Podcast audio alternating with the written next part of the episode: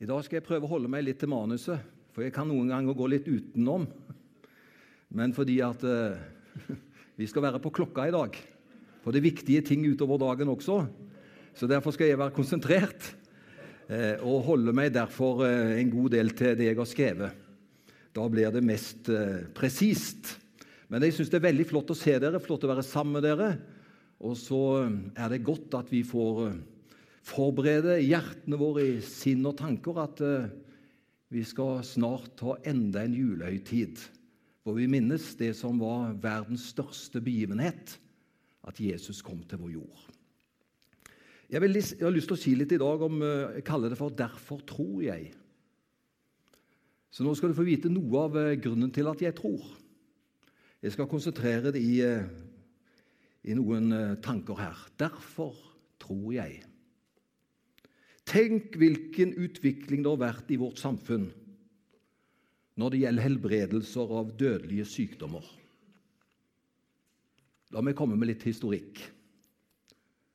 Kopper har tatt livet av 300-500 millioner mennesker. Svartedauden drepte en tredjedel av Europas befolkning. Rundt 200 millioner mennesker. Spanskesyken tok livet av 50-100 millioner mennesker. Kolera tok mange. Og så videre.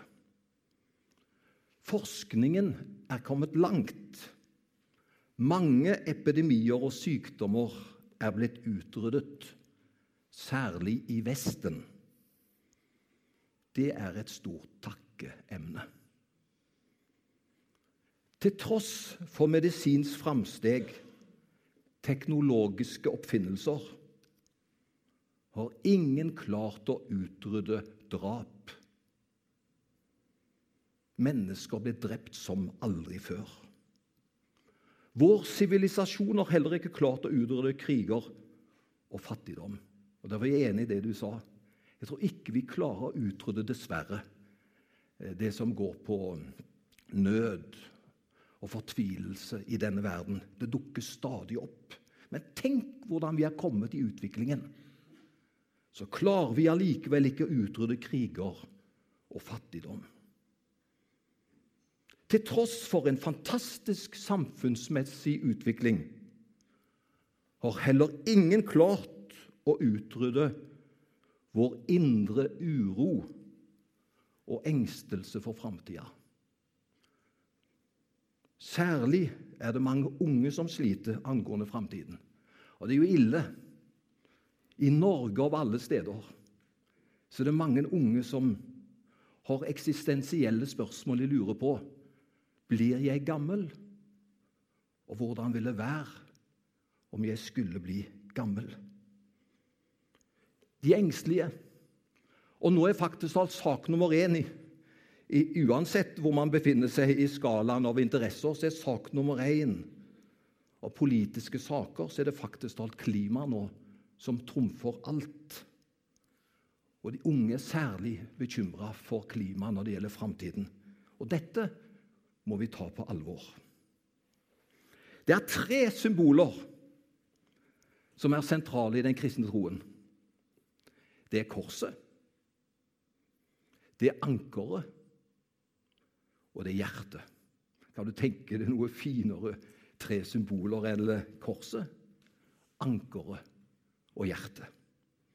Bibelordet som er knyttet til disse tre symbolene, det er kanskje det mest kjente verset i Bibelen utenom Johannes 3, 16. Det er 1. Korinterne 13, 13, og det lyder slik Så blir de stående, disse tre. Tro, håp og kjærlighet. Men det største av dem er kjærligheten. Jeg vil bare si et par setninger om hver av disse tre flotte symbolene. Det første var jo troen, korset. Jeg trenger noe som er større enn meg selv.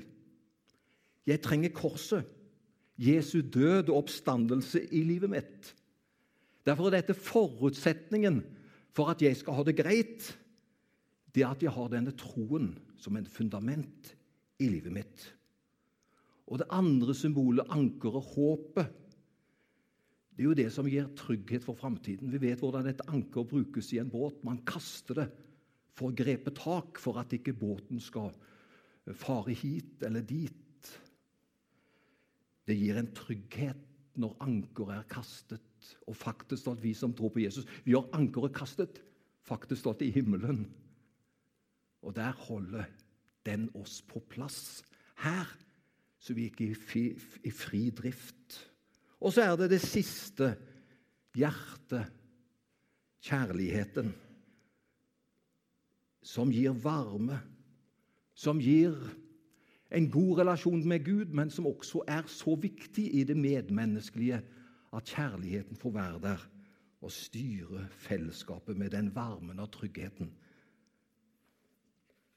som kjærligheten gir. Og Nå skal jeg komme med en eh, bekjennelse for dere. Jeg synes livet noen ganger er for stort. Jeg vet ikke hvordan du har det. Takler du alt? Jeg synes livet faktisk alt noen ganger er for stort. Og jeg må innrømme det gjerne. Jeg trenger en som er større enn meg selv. Gud er heldigvis større, og han gir meg den nødvendige tryggheten. Og så er kristen troen ikke en tvangstrøye eller en plikt. Det var nok en tvangstrøye i min oppvekst da det meste ble definert som synd. Jeg kommer jo fra Karmøy. La meg bruke et eksempel fra min pure ungdom. Og Dere som husker hvordan det var da, dere vet at dette ligger noen år bak. Når man skulle komme fra Karmøy til Stavanger, så var det helt vanlig å ta fergen fra Skudeneshavn til Stavanger. Og Dette skjedde på 70-tallet. Jeg satt i fergen mellom Skudenes og skulle til Stavanger. Og så treffer jeg overrasket min venn. Han skulle også samme vei. Han het Johannes. Han slet med røyken, og i menigheten ble han stadig minnet om at det er synd å røyke.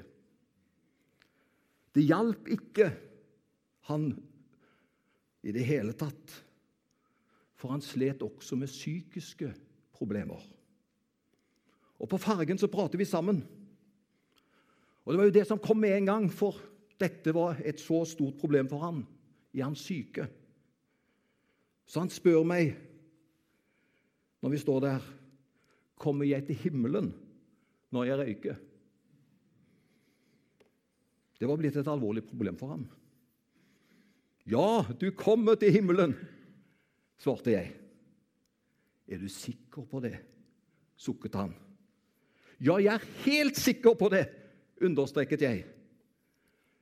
Ja, men jeg er så usikker, kom det fra ham. Da spurte jeg han, kan jeg få en røyk av deg? Han ble storlig overrasket, og jeg så hvordan øynene hans smilte. Og vi kunne ta hver vår røyk. Man kommer til himmelen om man røyker også. Kanskje litt før de som ikke røyker. I dag er kristenlivet ingen tvangstrøye. Jeg har lov til alt, sier Paulus. Så tilføyer han, men ikke alt gagner. Gudslivet er ingen plikt for meg. Jeg går ikke i kirken for jeg må. Det er jo andre ting man kunne prioritert. Men det er godt å gå i kirken, man blir oppbygd og treffer gode venner. Og kristentroen er en trygghet og noe jeg har lyst til å leve med. Siden dere lo så godt av den førre, så står ikke dette på manus, men det kommer jo inn her, vet du. Jeg er online. Den går her hele tiden, ikke sant, på båten. Eh, og så kom det for meg at det var en voksen mann som kom hjem til kona si. Og så sa han at nå vil jeg ikke gå i kirka lenger. sa han. Hvorfor det, da, sa jeg kona. Jo, av to grunner. Det er ingen der som liker meg, sa han. Og den andre grunnen det er heller ingen der som jeg liker. Jeg skal gi deg to grunner for hvorfor du skal gå i kirka, sa kona. For det første, du kan ikke oppføre deg så barnslig som det. sa Og for det andre, du er menighetens prest.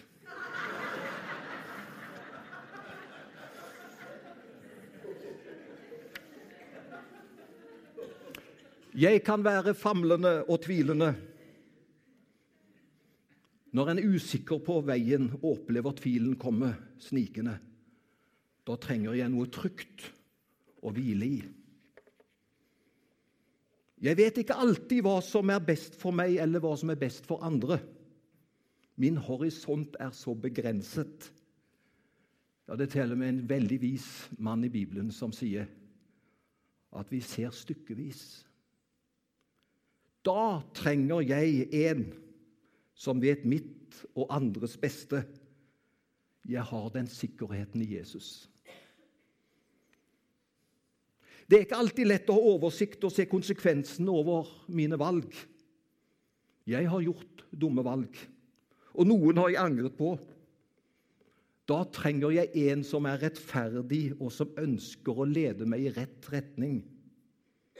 Han bebreider meg ikke over mine valg, men han er der for å gi en god retning for fortsettelsen.